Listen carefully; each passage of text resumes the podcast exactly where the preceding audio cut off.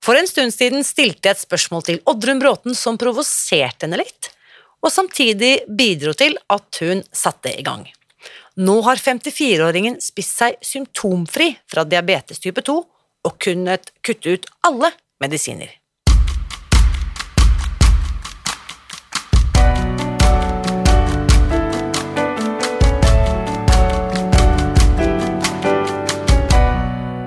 Mitt navn er Irina Lie. Jeg er journalist og forlegger, gründer og sosial entreprenør. I 2015 spiste jeg meg fri fra overvekt og fedme etter å ha slitt med vekt, kropp og følelser i nesten 30 år.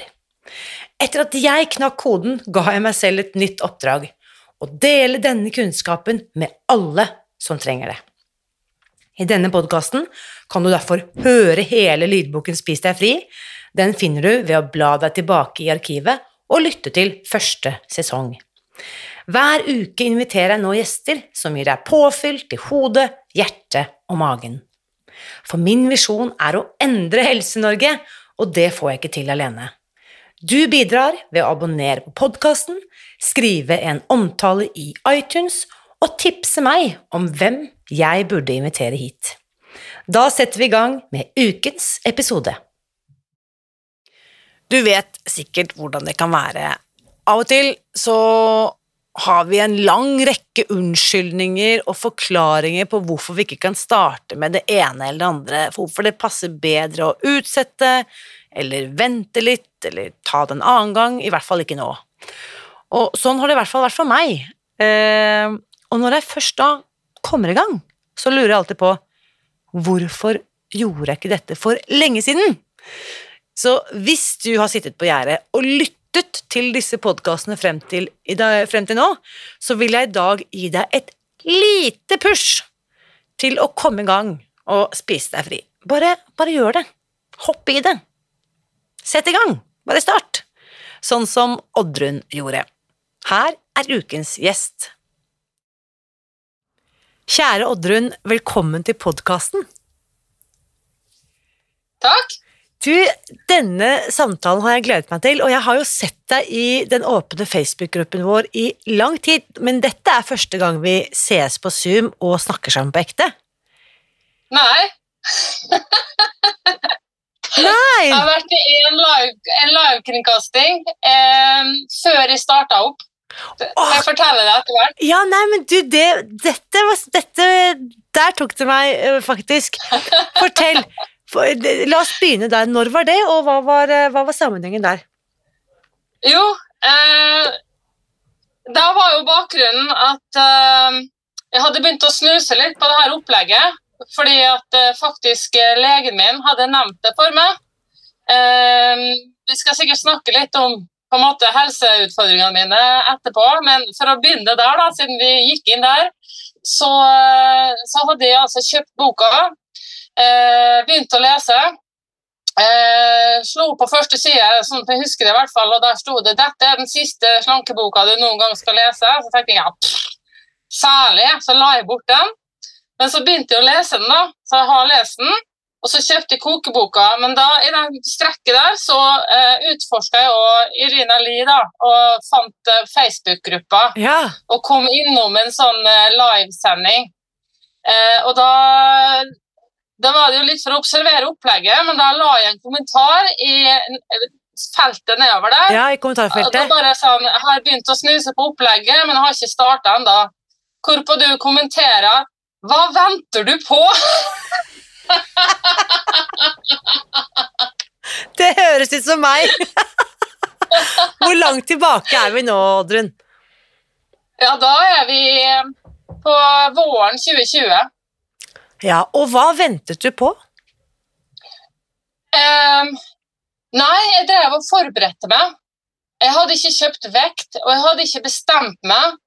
Og jeg ble selv om du selvfølgelig sa det her ute i eteren, så ble jeg på en måte litt provosert. for Jeg var ikke sikker på om jeg var klar. Uh, men, uh, men, så, men så gjorde, gjorde jeg det, da. Ja. Så jeg bestemte meg for liksom, Jeg bare bestilte vekt og kjøpte Jeg tror jeg hadde kjøpt kokebok allerede, og så, og så begynte jeg, da. Eh, men da, ja. Jeg var jo en del inne i teorien allerede, men var litt sånn på nølestadiet, da. Eh, var jeg. Det er veldig interessant at du sier, fordi jeg, jeg er selv deltaker på et uh, kurs nå, uh, ikke relatert til kosthold, men til uh, ja, nettgreier, da.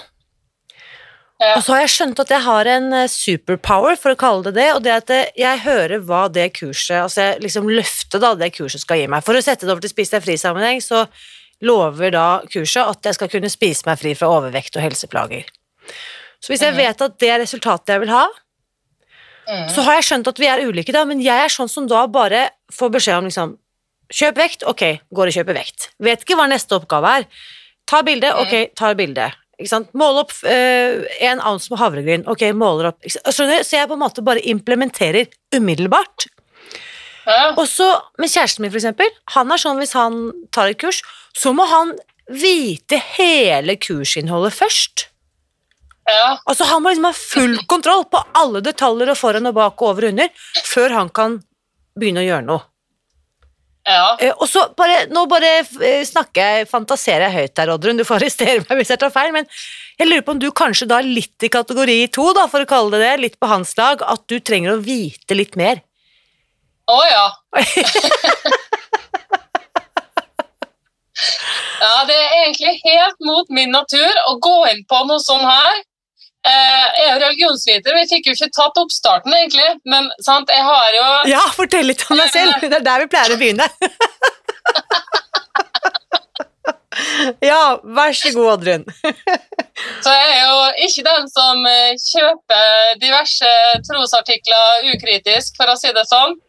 Og mm, for å ta fram noen av de Det som kunne vært kritiske innvendinger, da, veldig lett, så er det jo nettopp at deler av det opplegget her er, jeg har litt sånn sektpreg type ting. Du må tro på det, og det er ting du skal gjøre, det er visse ritualer og sånt der. Så absolutt kunne alarmklokkene mine gått på. Eh, men rett og slett eh, Rett og slett bare situasjonen min gjorde at jeg hadde bruk for å prøve noe. Mm. Og så var selve teorien som jeg leste, troverdig for meg. Ettersom jeg kom inn i det, jeg kom forbi den der slankeskrytet. Eh, så, og så trengte jeg rett og slett å gjøre noe, og derfor så tenkte jeg nå, nå prøver jeg. Eh, så sånn, sånn var det. Mm. Så nå er jeg sånn, nå er jeg litt sånn med det her, da. Som eh, at det, rett og slett, dette er min greie. Ja, jeg ser de kritiske innvendingene, men jeg driter i det. Jo, men så tenker jeg sånn da, da, Det funker. det, dette er jo, det, det er jo fantastisk gøy at du forteller. Og da må jeg bare spørre, siden jeg nå Jeg tror ikke jeg har intervjuet en religionsviter til podkasten før, så dette er spennende. For å, for å løfte det litt opp der, da. For du har jo helt rett. Vi snakker jo faktisk om veldig mange, i hvert fall inne i, i kurset også, så snakker vi om veldig mange åndelige prinsipper. Vi snakker om Ja. Vi snakker om villighet, Ja. vi snakker om liksom, overgivelse, tålmodighet, altså nysgjerr, Masse av disse her Jeg kaller det åndelige Ja. prinsipper, da. Ja. Og så tenker jeg sånn eh, Ja, det kan kanskje defineres som sekterisk eller nyreligiøst eller Og så lurer jeg på eh, Kan det ha noe for seg? altså, er, er du med på Snakker tanken? om religionsvitere om religion kan ha noe for seg. Ja, det, det, rett og slett. Historia tyder på det. Det er godt og vondt. Jo, ikke sant? På godt og vondt. Mm. Ja. Eh, sånt eh, Hva skal jeg si? Altså, det er jo mm, mange, altså det er mange av de eh, ja, nyreligiøse elementene da, som jeg veldig tydelig kan kjenne igjen. ikke sant? Det er jo ting som, som i utgangspunktet får litt problemer med. Litt sånn 'jeg vet for mye' type ting. Eh, men eh, så har jeg ikke lagt sjøl så veldig mye vekt på det. Altså, jeg vet at yoga er populært, jeg vet at det hjelper folk. Jeg vet at det kan bety veldig mye forskjellige ting. Eh, jeg, derfor er det vanskelig for meg, men jeg trenger ikke gjøre det. Jeg har mine egne teknikker for å måte, Mm. ta pauser og hva det er dreier seg om. Mm. Jeg vet at det fungerer for folk, det er helt greit, men det, akkurat det har jeg ikke kjøpt. Nei, og det, det, det liker jeg du sier, for det, det som er så genialt, da vil jeg påstå med denne metoden, er at først og fremst er det en kostholdsplan. Du trenger ikke engang Mm. vite at uh, eh, Du trenger ikke engang å tro på den for at den skal funke, for å si det sånn. Eh, så har vi eksempel eh, noen tips eller triks som handler om eksempel eh, affirmasjoner eller slagord man kan si til seg selv. ikke sant? En dag om en gang, Ja, ja. eller bare for i dag, eller Og det kan du og, og vi har jo det i mange altså Ethvert fotballag har jo et motto, ikke sant? Det, er, det trenger ikke bli noe religiøst av den grunn, men samtidig har du det som, la oss si, gjør det så helhjertet og gjør det til en livsstil og på en måte at det nesten blir litt sånn nyfrelst, da. Men man kan Ja. selv velge hvor i det landskapet man har lyst til å lande. Det syns jeg er veldig, veldig fint. Ja, det tror jeg faktisk er veldig viktig òg, for at i min eh, egen reise da, så starta jeg opp sjøl over sommeren, men så på høsten så kom jeg jo inn i et sånt eh, digitalt kurs da, som jeg gjennomførte et sånt kurs. Eh, og da da kommer jeg jo inn i et landskap som ikke var kjent for meg, for jeg har aldri vært noen jojo-slanker, jeg har aldri vært eh, opptatt av egentlig kropp og utseende, eh, veldig sånn bevisst litt feministisk, ikke opptatt av det. Sånn, men eh, da kommer du inn i et landskap med folk, og så er det disse veldig strenge reglene i Spis deg fri. Eh, og, og da er det jo et, et, et poeng å følge dem Mm. eh, så nøye som mulig. Eh, samtidig så har det blitt en viktig del av min egen overlevelsesteknikk at å A, tror jeg, da, forstå teorien sjøl og eh, på en måte utvikle min egen tolkning eller praksis. da. Ja. Og på sett og vis så tror jeg ikke det er unikt. Altså, det er liksom forskjellige grader av hvor streng man er i forhold til de opprinnelige reglene inni der. Eh, men jeg tror at eh, egentlig alle sammen utvikler sin egen praksis. Og derfor så har, er det det her med altså Det er en av de leksjonene som ja, Det er flere ting, da, men det med integritet Ja. det er en leksjon som handler om. Og det tenker jeg er veldig viktig, fordi at eh, det betyr at jeg bestreber å være tro mot opplegget i den versjonen som jeg har funnet ut fungerer for meg. Yes. Og testen for at det fungerer, er jo at de klarer å gjennomføre det, og at de ikke går opp i vekt, basically. Ikke sant? Så det du var med på, det var da dette såkalte grunnkurset? Eh, hm? Drømmekurset? Nei, grunn... drømmekurset, det kunne. Grunnkurset, ja. ja. Det var på et grunnkurs, ja. Mm. Og jeg, jeg liker så godt La oss si at denne, er ti me denne, denne veien er ti meter bred. Så velger du hvor du beveger deg hen på den veien. Om du liksom holder deg midt i, midt i, eller om du tar den helt ut til ekstremen på den ene kanten, eller helt ut til ekstremen på den andre kanten. Jeg, jeg tenker at her, Dette er så bredt, dette feltet, slik at vi alle Ja. egentlig finner vår sti i det brede feltet. da. Mm. Ja, jeg tror kanskje det er en nøkkel til å lykkes òg. For det er vel litt tematikk med denne podkasten med meg, da, at to år seinere er jeg bare helt bestemt på at dette skal jeg fortsette med. Og det tror jeg handler om at jeg har eh, funnet en måte som fungerer for meg, samtidig, samtidig som jeg på en måte skrudd fast et opplegg som fungerer, så utforsker fortløpende også og må justere Yes. på en måte. Fordi at du får nye utfordringer hele tida. Men, øh, men da, da er det med justeringer. Jeg kan f.eks. bestemme for at nei, nå er jeg så lei av å få for mye kjøtt når jeg er ute og spiser, at nå skal jeg prøve en periode med å bestille vegetar. Ja. Ikke sant? Eh, så jeg kan gjøre sånn, jeg kan teste ting en periode.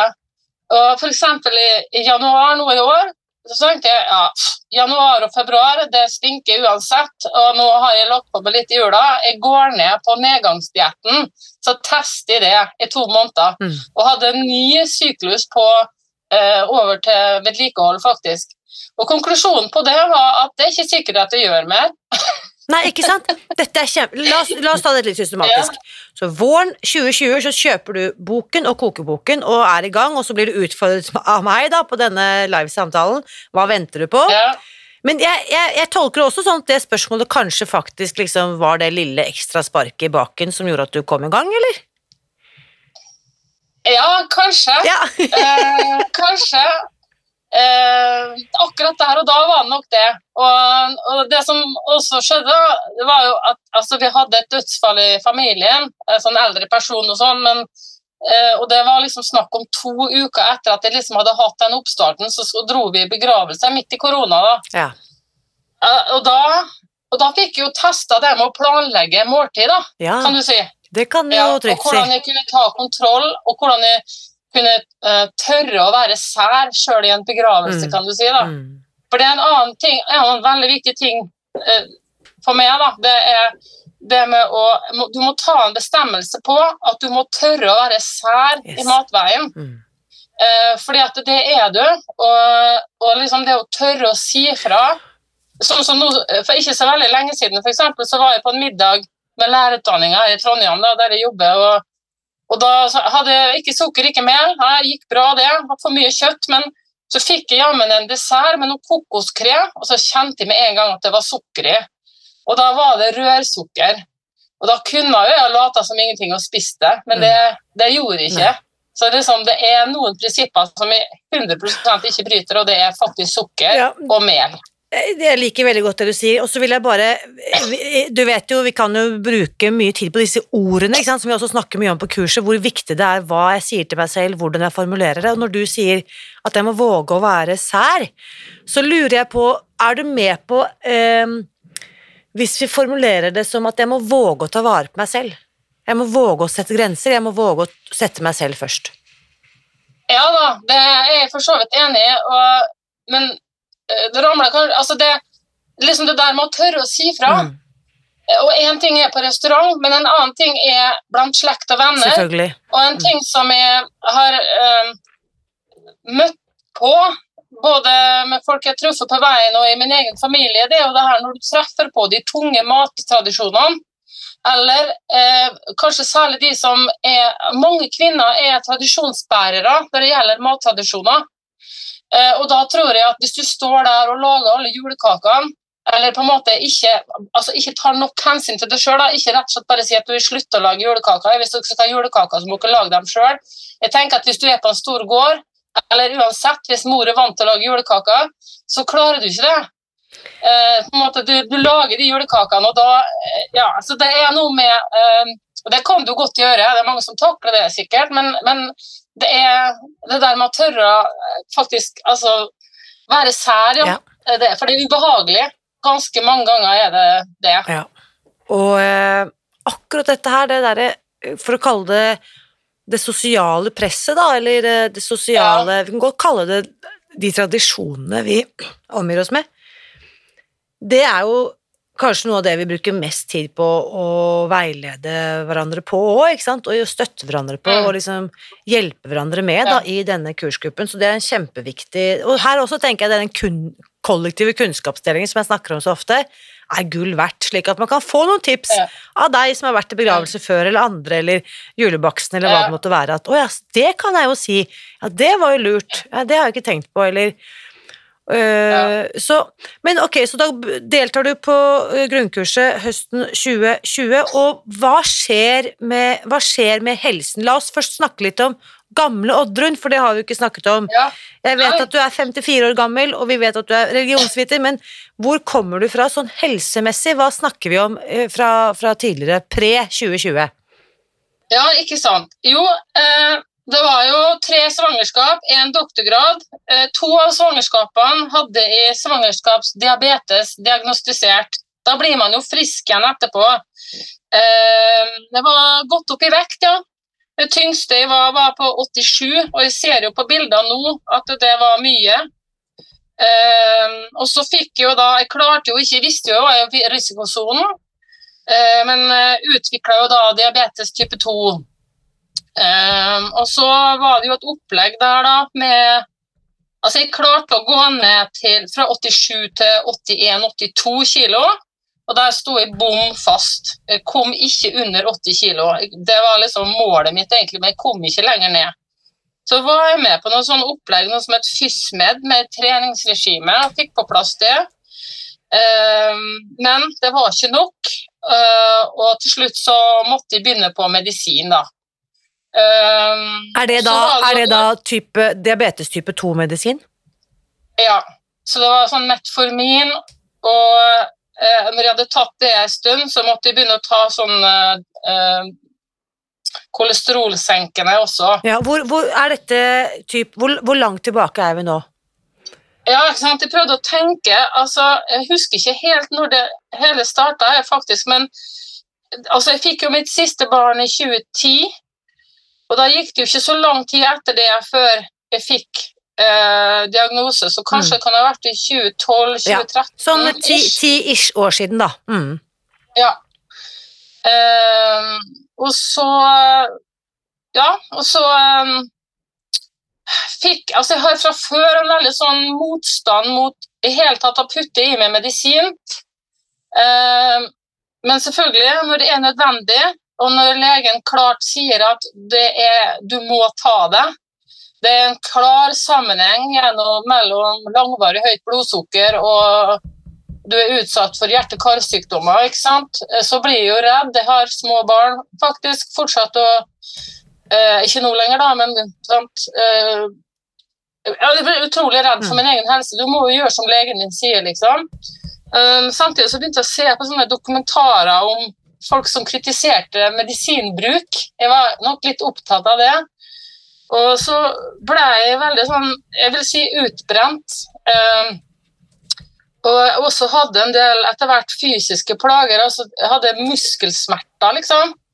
Eh, ja. Så jeg hadde Jeg var utslitt. Jeg hadde gått på ren viljestyrke og gjennomført på en måte jobb og, jobb og familie på ren viljestyrke og hadde på en måte ikke noe glede lenger. Det var alt var bare et ork. Uh, og så fikk jeg vel en type uh, sykemelding da, på våren der òg, fra legen min, da. For at uh, vi var enige om at nå nærmer jeg meg veggen, liksom. Mm. og det var samtidig med at hun nevnte denne boka, da. Ja. så da, da kom det inn i bildet på et tidspunkt som, der det begynte å bli ganske kritisk for meg, da, kan du si. Og, og jeg håper du ikke altså misforstår meg rett. Det jeg opplever, da, er at de som har veldig godt utgangspunkt for å lykkes med å spise seg fri, er nettopp det som du skildrer, som har opplevd nærmest å møte veggen, eller kanskje de også har møtt veggen, eller gått gjennom veggen, og at de har prøvd mye Ja. før, og liksom, sånn som de sier det, at liksom har hatt det vondt nok. Du, du beskriver en kritisk situasjon, og så kommer du over dette, og da er du på en måte kanskje også villig da, til å gjøre sære ting, eller ekstreme ting, eller hva vi skal Ja. kalle det. Mm. Ja. Og faktisk er det en av de tingene som jeg også uh, har satt pris på, det er at det er ingen som later som at dette her er lett. Det er ikke lett. Og det gjør det faktisk troverdig. Eh, at du må gjøre en innsats, og, og så kan man ha et mål om at det blir automatisert og sånn.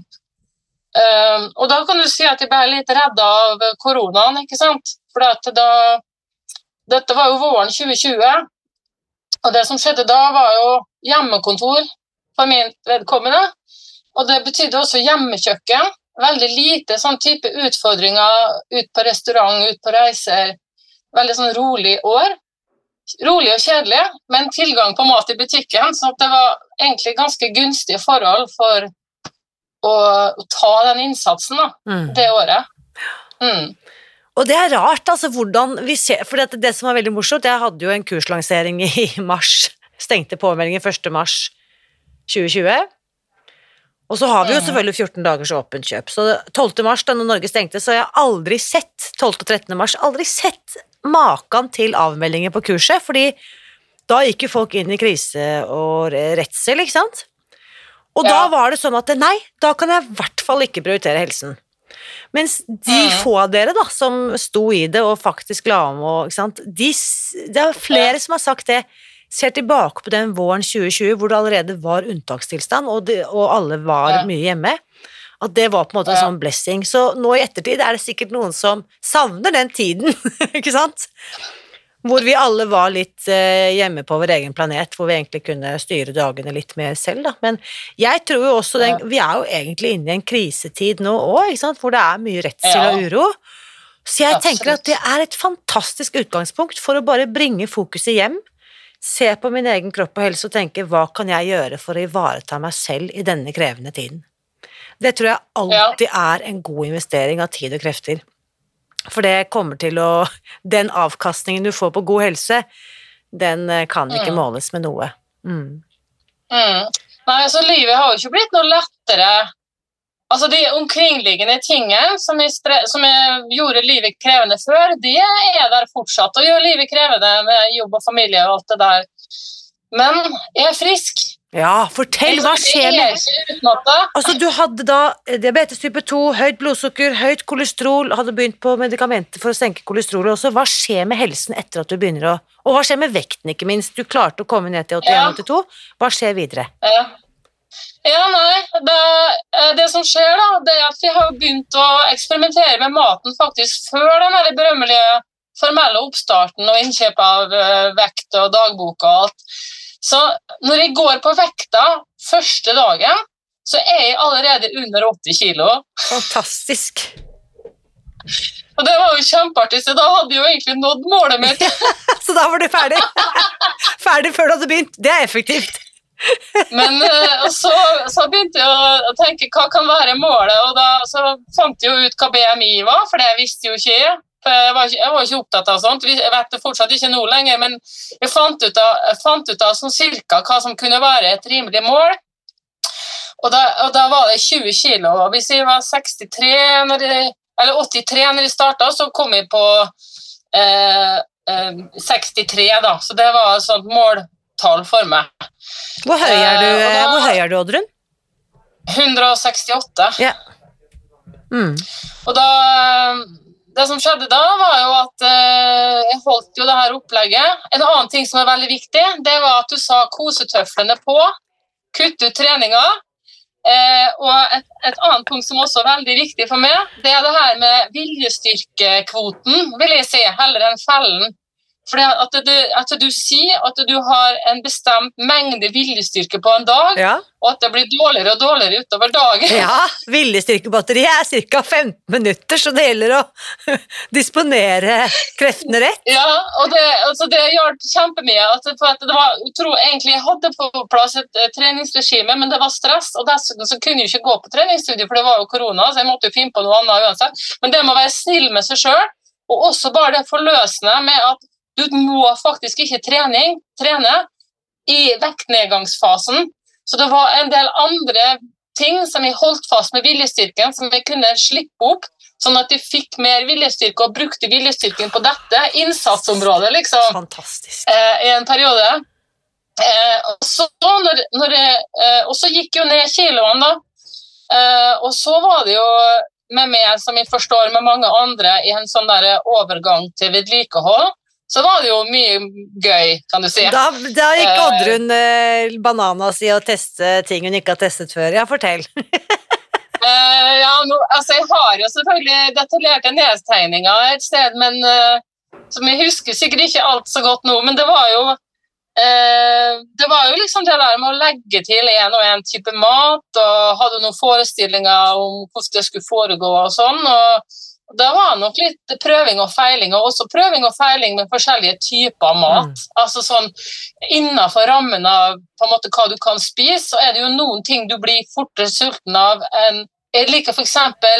kokte eller stekte grønnsaker bedre enn salatgrønnsaker, litt sesongavhengig. Men hvis jeg har med meg bakte grønnsaker til lunsj, eksempel, så varer jo det mye lenger enn hvis jeg har med en salat og sånne ting. Mm. Og så selvfølgelig når du begynner å få mer korn og sånn, da, så, så jeg syns jo de porsjonene er så enormt rause. Altså den lunsjen, for eksempel. Ehm, men der, der er jo en av de plassene der jeg har gjort noen tilpassinger da, etter hvert. Sånn, og flere ulike justeringer underveis. Akkurat nå så, så spiser jeg faktisk halv korn til lunsj, fordi at jeg spiser også halv frukt til lunsj. Um, og da kommer jeg inn på det punktet som du kanskje ikke kommer til å like så godt, men jeg gjør én stor tilpassing, som er et avvik. Jeg spiser fire måltider om dagen. Oddrun, Oddrun, Oddrun. Nå kan jeg da berolige deg med at det er helt i orden. Jeg kan overraske deg litt underveis, jeg òg. Nei da. Ja. Det, jeg hører på deg at du har rett og slett gjort din egen research. Du har funnet ut hva som funker for deg, og vi er forskjellige. Ja. Det vi Ja. vet, er at i hvert fall når du skal lære metoden, så er det vesentlig å ha disse tre måltidene, så fremt ikke det er helt medisinske årsaker som ligger til grunn, f.eks. at man har gjennomgått en slankeoperasjon, at ikke magevolumet er så stort, da må man selvfølgelig ha fire måltider fra begynnelsen. Men nettopp det du sa Mm. tidligere, dette med viljestyrkebatteriet, Mm. fordi at hvis man skal prøve å lære dette og fordele innsatsen over fire måltider, så har du på en måte redusert eh, Da, må du, da har du tappet deg selv for ytterligere 25 med viljestyrke, ikke sant? Så det å Mm. ha tre måltider for å lære metoden tror jeg er noe av suksessfaktoren, men sånn som når du kan det, så koster det ikke deg så mye å planlegge på nytt. For det er jo bare en Men justering. tror, jeg tror, det er, jeg det er en personlig faktor altså, som gjør at kanskje den der, det å ikke ha det kveldsmåltidet da, som jeg har nå, innenfor mengdekvoten, men tatt fra andre Ja, ja, ja. kvoter, for å si det sånn, satt sammen litt kveldsmåltid. Eh, jeg tror det ville kosta meg 50% viljestyrke å ikke ha det måltidet. For det der er noe som er så innarbeida i, i livet mitt. Og det er kanskje en stor svakhet som jeg hadde før og når jeg spiste brød og sånn, at jeg spiste for mye kveldsmat. Jeg liker det kveldsmaten så godt, men nå har jeg et lite måltid der, og det består Der er det ikke korn. Det har jeg oppfatta, at det er lurt at korn er tidlig på dagen, eh, men en proteinporsjon, basically, og litt frukt fra Ja. rest. Og, og Så sånn ligger det. det, vet du, det, det høres ut som du har funnet det som funker for deg, og det, eh, det støtter jeg 100 eh, Virkelig. Så, men og, og da er det litt sånn som alle kunstnere vet, og alle akademikere vet, og alle som jobber med et fag vet, at du må lære deg basicen først, før du kan Mm. gjøre din egen vri på det. Du må på en måte Ja, ja? Lære deg eh, og metodikken og begrunnelsen, og så kan jeg se, ok, bare for eksempel, hadde du ikke visst, eller hadde tatt et bevisst valg, så er det rett å bare, ja, men da bare tar jeg, flytter en av fruktene til kvelds, og så tar jeg bare det. Og da ville du fått en annen problemstilling, ikke sant, med eksempel eh, økt blodsukker, blodsukker, som kunne ført til økt Ja. craving, som kunne, men det at du har satt det sammen da, eksempel av protein og frukt, gjør at jeg tenker, fornuftig, kjempebra. Ja, det har utvikla seg litt underveis. Altså, når jeg drev med vektnedgang, så gjorde jeg rett og slett sånn at jeg tok av i små bokser litt fra de tre andre måltidene. Sånn at jeg hadde noen småbokser fra de Martian. Så jeg hadde en sånn miniversjon Ja, av Martian til kvelds. Men nå har jeg på en måte satt det i system, så jeg spiser den samme kveldsen Ja. hver, hver dag, mer eller mindre. da. Yes. Med litt tilpasninger hvis jeg reiser og sånn, da. Nettopp.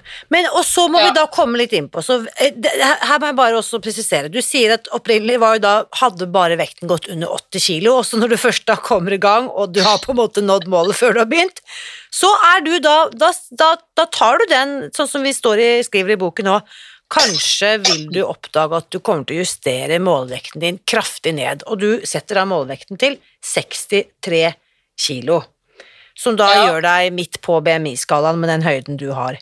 Så hva skjer med helsen videre? Hvordan går denne reisen, og ikke minst også i forhold til Men jeg må si en ting til, dessverre, og det er at eh, jeg går ikke ned de siste to kiloene. Jeg stopper på 65. Ja, men det også er jo i den store sammenhengen Altså detaljer og peanuts, ikke sant? Det er jo Tenk deg, da, at du har redusert men, vekten jeg, fra jeg, tror, jeg har lyst til å si det, fordi at jeg, jeg tror at uh, man kan bli opphengt også. Ja. Altså Spørsmål hva er målet? Målet for meg var helse. Målet for meg var ikke å bli supertynn, egentlig. Sant? Og når de siste kiloene viste seg å være fryktelig vanskelige, så kom jeg til slutt til den konklusjonen at kanskje målet er nådd. da. Yes. Så det vil jeg bare si det, for det, det kan hende at det er noe som hindrer at man kommer til vedlikehold hvis man er så opptatt av det målet man har satt seg, Yes. at man ikke har et litt mer overordna perspektiv på hva som egentlig er målet. Ja. Og, og vi vet jo alle at uh, det tallet på badevekten, du var litt inne på det i stad, og det endrer jo ikke livet mitt, verken på den ene eller andre måten, men det er bare et det er noe vi kan navigere etter, og du hadde jo aldri kommet deg ned til 65 kilo hvis du hadde navigert etter 'jeg skal under 80'. Da hadde ikke du kommet til 65. Så det at, du hadde 60, det at du hadde 63 som målvekt, gjør jo at du da lander på 65, og det er helt akkurat som du Mm. sier. Når vi kommer dit hvor kroppen vår ønsker å være, så får vi på en måte beskjed om det. Det høres litt rart ut, men det er som om kroppen da har kommet hjem. Ja, det er sånn, sånn er det fint å si det, tenker jeg. Ja. Mm. Så hva skjer med alt det andre, alle de andre helseparameterne som vi også har vært inne på her? Ja, det, altså, det er jo etter første blod, blodsukkeret. Jeg går også til legen, som er anbefalt. Eh, hun har jo allerede anbefalt på det her, så vi er enige om at hun skal følge med. Eh, og blodverdiene de, eh, er jo fantastiske med en gang, men vi venter jo litt da, med å avslutte medisin til legen på en måte sier at det er greit. Og da eh, avslutte jeg. Husker ikke om jeg trappa ned, jeg tror faktisk at jeg gjorde det at jeg kutta ut litt av gangen før jeg gikk helt på null. da. Men eh, ganske raskt da, og jeg tror det var kanskje på nyåret når jeg var, drev med vedlikehold Kanskje det var så seint som det. Men du sier Og da når legen sa det var greit, så kutta jeg ut alle medisiner til slutt. Så siden da så har jeg ikke tatt noen medisiner. Eh, Blodsukkeret mitt er jevnt stabilt. Det går hjem til legen og måler. Og jeg har slutta å måle hjemme.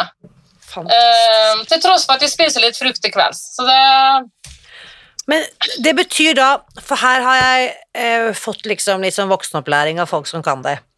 Det betyr at du er blitt symptomfri fra diabetes type 2, men påstå er, Eller mener legen at du er friskmeldt fra diabetes type 2? Hva er eh, Åh, det litt, Jeg tror nok at jeg bare er frisk så lenge jeg holder meg til kostholdet. Eh, med en, hvis jeg begynner på en med sukker og mel, så er det nok ikke jeg frisk. Nei, det Nei. tror jeg ikke går an. For jeg har jo diabetes type 2. Og det er også en grunn til at jeg har høy motivasjon for ikke å ramle av vogna. Fordi at jeg er frisk nå. Og en annen ting med det er at eh, eh, maten smaker så mye bedre. Sant? Eh, Gulrot er jo helt fantastisk Mm. søtt. Mm. Eh, sånn at jeg ville jo ikke tilbake eh, som det var. Eh, og eh, jeg kan ikke si at jeg savner noe, for at jeg lager veldig mye god mat. Eh, og som du sier, koser meg med maten støtt og stadig, Mm. og misunner ingen, egentlig. Og en annen ting som jeg ser at Noen ganger hvis jeg er på restaurant, eksempel, så skal jeg ha noe annet, og så får de en kladeis av en sjokoladekake eller et eller annet, og så får jeg et fruktfat eller? Mm. Kanskje litt krem eller rømme hvis de er fantasifulle. Eh, Og jeg er så fornøyd. Jeg har Ja. så mange ganger sittet og sett på den sjokoladeklumpen og tenkt Jeg misunner dem virkelig Nei, ikke. men det som er så komisk Apropos Nei, vet du jeg, jeg, dette skjer jo meg og stadig også. Så, også, hvis liksom Hvis man tar et objektivt blikk, eh, blikk på den brune klumpen som ligger der Ja, Det er jo ingenting ved det som i seg selv er tiltalende, sammenlignet med et bugnende, fargerikt fruktfat, ikke sant? Hvor du har grønne Nei. druer, eller røde jordbær, eller gule bananer. Det er jo det som jeg tror da, fra naturens side vi dras mot og på en måte har lyst til å fylle kroppen vår med, mens det brune som, la oss si en sjokoladefondant da, for å være helt øh, øh, liksom konkret, og når den deles i to, og den brune innmaten renner ut, altså det gir jo assosiasjoner som i hvert fall ikke jeg har lyst til å putte i munnen. Men det er alt Ja. dette, den der tankekraften er så sterk. Hva vi Ja. på en måte assosierer med kos eller belønner, belønning, eller ikke sant? Tradisjoner som du var inne på. Så jeg, jeg vet og har erfart at det er fullt mulig å på en måte kode om hjernen og de assosiasjonene jeg har. For eksempel til en gulrot, Ja. som nå også er Ja. Altså, det er virkelig en gulrot i mitt liv å spise en gulrot. Du kan, du kan raspe gulrøtter og bruke havregryn og lage vafler, og så kan du ha litt bær og frukt på og en salat ved siden av, og så har du en lunsj som er helt innafor, Ja. og som smaker himmelsk. Ja, og jeg så jo på For du har jo delt mye i den åpne Facebook-gruppen vår, Spis deg fri også. Det er alltid gøy å se innleggene dine, og så så jeg at du hadde Ja. Du bruker jo eh, Den grønne kokeboken veldig aktivt, har jeg sett. Og har blant annet delt denne oppskriften med Det var vel eh, eh, Hva var dette her, da? Det var en sånn peanøttrull. ja. Eh, skal jeg se om jeg finner den i farten. Eh, Oi. skal vi se her Ja, eh, du hadde til og med henvisning til sidetallet. Kanskje det er lettere for meg hvis jeg bare går på Facebook og ser om jeg finner den i farten. Jeg har boka mi oppe på kjøkkenet, så jeg har den ikke her. Nei da. Eh, her har vi, skal vi se eh, Peanøtt og kirsebærull. Side 82 i den norske utgaven. Eh, Peanøtter og kirsebærull, her har vi den, vet du. Så fortell litt Ja. om eh, det å ha oppskrifter og det å få noen forslag til hvordan du kan eh, lage litt annerledes retter, og du nevnte jo nettopp disse vaflene med, med havregryn og gulrot. Hva har det hatt å si for deg? Jo, eh, det, det var veldig viktig, for jeg har en interesse for å lage mat. Altså, siden jeg har hatt mye småbarn eh, en periode, så har jeg lagd mye mat som andre liker, og ikke så mye mat som jeg sjøl liker. Men så begynte jeg rett og slett og Jeg begynte på side én, jeg har jobba meg gjennom kokeboka. begynte på det, nei, De begynte på frokostene og prøv, har prøvd nesten alt. Det er noen retter jeg ikke har prøvd ennå. Så eh, så, så det er på en måte utgangspunktet mitt, og en, et utgangspunkt for å på en måte jobbe seg opp en ny kompetanse. Men, og så slår jeg hele tida opp da, og ja, hva, hvor mye fett Hvis jeg har fløte, hvor mye blir det i Mm. fett? Og ja, Nøtter kan være både fett og protein. Hvordan var det igjen?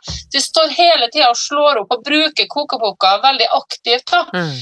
Um, og så etter hvert som jeg på en måte får et arsenal, da, og jeg tester meg gjennom rettene i boka, så får jeg jo ideer. Altså eh, gjøre varianter.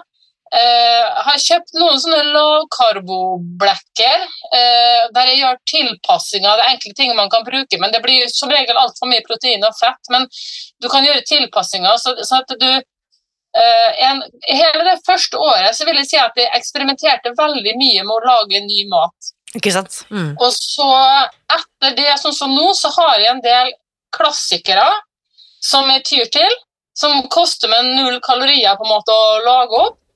Og så eksperimenterer jeg på lørdager, eller på, på dager når jeg har tid og overskudd. Da kan jeg prøve noe nytt igjen. Eller så får jeg noen ganger så får jeg sånne visjoner, nærmest. Eh, at, at det på en måte plutselig, hvis jeg går og tenker på hva skal jeg ha til lunsj i morgen, så, så tenker jeg på hva som er i kjøleskapet, og så kommer jeg på måter at jeg kan kombinere ting på. og ja, men Da trenger jeg å kjøpe inn, eller sånn at det på en måte har blitt en tankesett. da. Jeg trenger ikke å ha det på hele tida, men, men eh, ja, det er rett og slett en ny måte å tenke matlaging på. da. Så, så jeg bruker en betydelig kreativitet nå, ja. Jeg har noen nye litt sånn nesten signaturretter som ikke du har funnet på, i hvert fall, men som jeg lager en del. Eh, ja, så litt sånn Gøy. Og det, og, og det som du beskriver her også, for at det, det som er veldig viktig for oss for å liksom holde oss motivert, da, det er jo Mm. variasjon, ikke sant? Så jeg mm, tror nettopp det, og du sa jo innledningsvis så fint at dette her vet du at du skal holde på med for alltid, liksom, og nettopp det å holde motivasjonen oppe ved å skape, eksperimentere med nye ting, ikke sant? Fortsett Mm. å vite at dette er en reise der jeg utvikler meg, og det kan også utvikle meg på kjøkkenet og teste nye retter, teste litt forskjellige Mm. kokebøker, ja, gjøre sånne ting, det er kjempespennende. Men det er også viktig, viktig det her med at, eh, at eh, my mye av det er automatisert, for det er jo et mål, ikke sant? og da bruker du mindre viljestykke, ikke sant? Det går på automaten. Hvis jeg ikke kjemper noe sprekt til frokost, så er det havregrøt hver dag. Helt til jeg kjemper noe annet. Yes. Eh, ja, litt sånn. Så det tror jeg også er kjempeviktig, for når du er sliten og du faktisk ikke har overskudd, så har jeg et, et nytt arsenal. Altså jeg har et, eh, et utvalg av, av ting Ja. som jeg kan lage automatisk. Bakte grønnsaker, f.eks. Når som helst. Det er bare om å gjøre å ha grønnsaker i huset, Ja, ja, så lager du en panne. Så Men da er jo jeg veldig spent på, for nå har vi snakket om mye, da har vi bare oppsummert 18 kilo ned, landet inn på det jeg vil kalle perfekt BMI, midt i den normalvektige skalaen, og eh, har altså spist deg symptomfri fra diabetes type 2, og har kunnet kutte ut alle typer medisiner, inkludert medisiner for høyt blodsukker og høyt kolesterol. ja. Det er bare å ta av seg hatten og bukke og nikke og neie og si gratulerer, eh, Oddrun, for dette er helt fantastisk. Og jeg tenker, du nevnte at du hadde tre barn. Tenk deg den Mm. på en måte Ja, eh, den gaven du gir til familien din nå, da, ved å ta så godt vare på, Mm. på deg selv. Mm. Mm. Men jeg har et forslag òg, husker du jeg sa det? Ja, kjør på! Vi tar imot alt vi får her. Ja. Og nå, nå eh, vet jeg ikke om du vil synes det her er et godt forslag, men det er noe jeg har tenkt på sjøl, men som jeg garantert ikke kommer til å klare å gjennomføre. For i likhet med mange andre som er i denne reisen her, så har jo jeg altså, eh, hvert fall, Nå skriver jeg ikke sånn nøye dagbok lenger, men jeg har jo egentlig en eh, eh, detaljert dokumentasjon på et eksempel på en reise. Eh, og I disse podkastene dine og litt sånn de kortere fortellingene som du har for I, i bøkene, og sånn, så er det episodisk, og det fungerer fint. Det er masse eksempler på folk som har fått det til, og som har hatt ulike utfordringer. Men det kunne vært interessant med en type sånn langhistoriebok Eh, med, eh, altså jeg har jo egentlig tenkt at da skulle det være min reise, liksom, Oddruns reise. Det, det kan jo gjøre på egen hånd, men det kommer jeg ikke til å gjøre. Derfor så selger jeg den ideen gratis nå. Du kan ta med meg, eller la det være. Men f.eks. Eh, fire, da. Si du finner fire som har ulike historier, og som har eh, dokumentert godt eh, reisen sin. Eh, wow. Og som, eh, som, da kan på en måte for eksempel, for eksempel, i mine dagboksnotater så er det delvis, i hvert fall i den nedgangsfasen og i den første fasen, så er det veldig mye sånn hvordan jeg opplever ting, og hvordan jeg føler ting, hva som er vanskelig, og, men også mat. Ok, Nå har jeg funnet på at jeg kan lage vafler. Altså, altså, sånn en sånn miks. Oddrun, altså jeg bare får sånn du sånn, du vet sånn, Det er sånn supertilfredsstillende å se på sånn video på YouTube, en sånn to millioner dominobrikker som står. ikke sant? Når du sier dette her nå, ja. så ser jeg bare sånn perfekt sånn dominotog som går gjennom hjernen min. Og bare herregud, det er genialt, det er genialt, og så kunne vi sånn, og så kunne vi sånn. Ok, så jeg, fordi, jeg skjønner hva du sier. Jeg elsker ja. ideen. Digger den faktisk. Så da sier jeg følgende til deg som hører dette og tenker at dette her var helt fantastisk, eller at du er på dag én og tenker at det har jeg også lyst til å både lese og bidra til, skriv en kommentar under dette podkastinnlegget som ligger i Facebook-gruppen Spis deg fri, den åpne Facebook-gruppen Spis deg fri. For her må vi rett og slett bare Dette må vi få med oss folk på, og så må vi rett og slett bare sjekke det ut. Er dette noe folk vil synes er nyttig og relevant? Og jeg syns jo dette høres helt genialt ut. Eh, jeg tar den, jeg. Eh, jeg tar ja. det forslaget med meg, og det er genialt at du bare slenger det ut, for det er sånn ting blir realisert, at vi bare eh, og, og, der ser du også, sånn som vi snakket om innledningsvis, nå har jeg bare Jeg skjønner hva, hvordan dette enderesultatet kan se ut, så nå må vi bare gjøre det. Ja. Ja. Så du kan bare finne fram de notatene og begynne å og, jeg, jeg, kan ikke love deg at det skjer innen helgen, innen, innen neste Nei. helg, men den ideen, jeg elsker at du lanserer den. Uh, den tar jeg med meg. Og så må jeg også bare, Oddrun, uh, skynde meg å legge til, for at når vi snakker om disse uh, det, det, du beskriver med diabetes type 2, høyt kolesterol Vi snakker om de store utfordringene i, mot folkehelsen vår. Så hvis mm. du som hører dette, er behandler eller lege eller fastlege eller jobber på sykehus eller jobber med pasienter på et eller annet vis med overvekt og fedme eller diabetes type 2 og andre kostholdsrelaterte sykdommer, så vit at vi har da dette tilbudet til alle, alt helsepersonell. At du kan gå til spisdegfri.no fastlege, fylle inn navn og adresse, så sender vi deg gratis informasjonsmateriell, ehm, sånn at du kan dele ut dette til dine pasienter og, og, brukere. Jeg vet ikke, Hadde legen din noe sånn informasjonsmateriell som hun ga deg, eller bare fortalte hun deg om det? Nei, hun hadde en slektning som drev med det, og så visste hun om boka. Og det tror hun gikk litt Jeg skal ikke si navnet hennes, da, for det må hun velge sjøl om hun melder seg. Litt. Men jeg har foreslått for hun at hun må melde seg til forskning.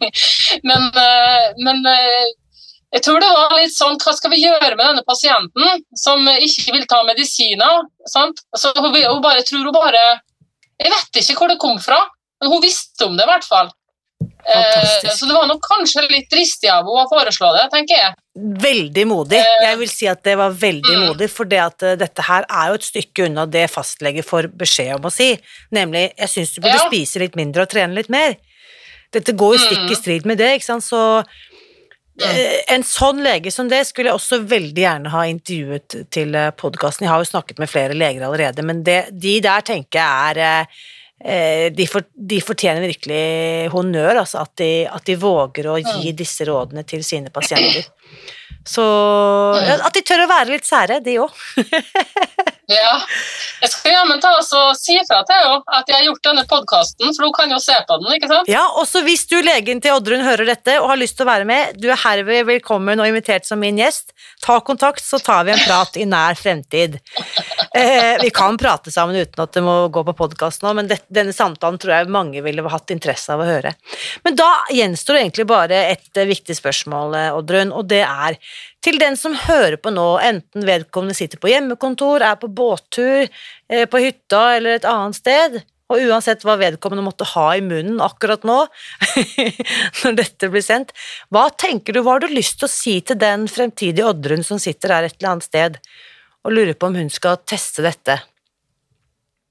Ja, det er bare å prøve.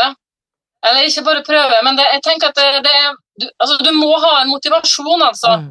Jeg vil ikke Du sier jo også sjøl i flere sammenhenger at vi jeg, jeg vil ikke tvinge det på noen. Jeg tror det er veldig viktig at folk er motivert sjøl. Mm. Eh, men jeg vil absolutt anbefale det. Det funka for meg, i hvert fall. Mm. Uh, ja, og det var troverdig for meg. Men det kosta litt innsats, så det må man være forberedt på. Ikke sant? Det, kommer ikke, det er ikke noe quick fix, det kan vi trygt slå fast. Nei, Og det er det ikke uansett. Så da har jeg lyst til å bare sitere meg selv etter til den personen som hører på dette. Da har jeg bare lyst til å spørre hva venter du på? Ja, Nydelig! Oddrun, takk for eh, god samtale og herlig å ha deg med. Ja, tusen takk nå. Mhm. Ha det bra. Ha det! Nå lurer jeg på, hva tenker du etter å ha hørt min samtale med Oddrun i dag? Bli med inn i den åpne Facebook-gruppen Spis deg fri, og del dine tanker. Og svar gjerne på spørsmålet vi stilte deg. Hva venter du på? Og akkurat nå så starter vi vårt nye grunnkurs Spis deg fri på 66 dager. Her lærer jeg deg hvordan du kan bygge nye vaner rundt mat og måltider gjennom 66 dager, så du kan spise deg fri fra overvekt, søtsug, smerter og kostholdsrelaterte helseplager, sånn som Oddrun også fortalte om i dag. Vi starter nå, så gå til spisdegfri.no grunnkurs hvis du vil være med. Kurset det består av ti moduler, og du får tilgang på en ny modul hver uke som du enten kan se via datamaskinen din, nettbrettet ditt eller mobilen din. I tillegg så får du tilgang på en lukket kursgruppe, hvor du får svar på dine spørsmål sent og tidlig gjennom hele uken.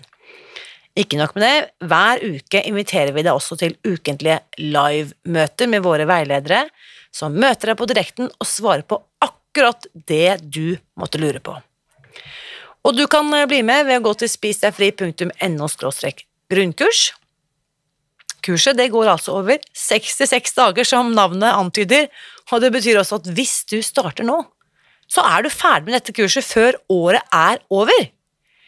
Det betyr også at du kan bruke neste års nyttårsforsetter til å fokusere på noe annet enn å gå ned i vekt. Hadde ikke det vært skikkelig deilig?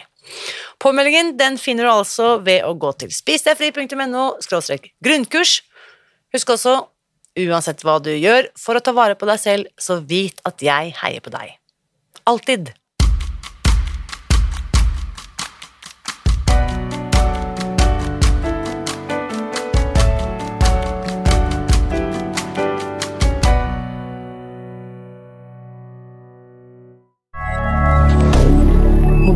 Canada.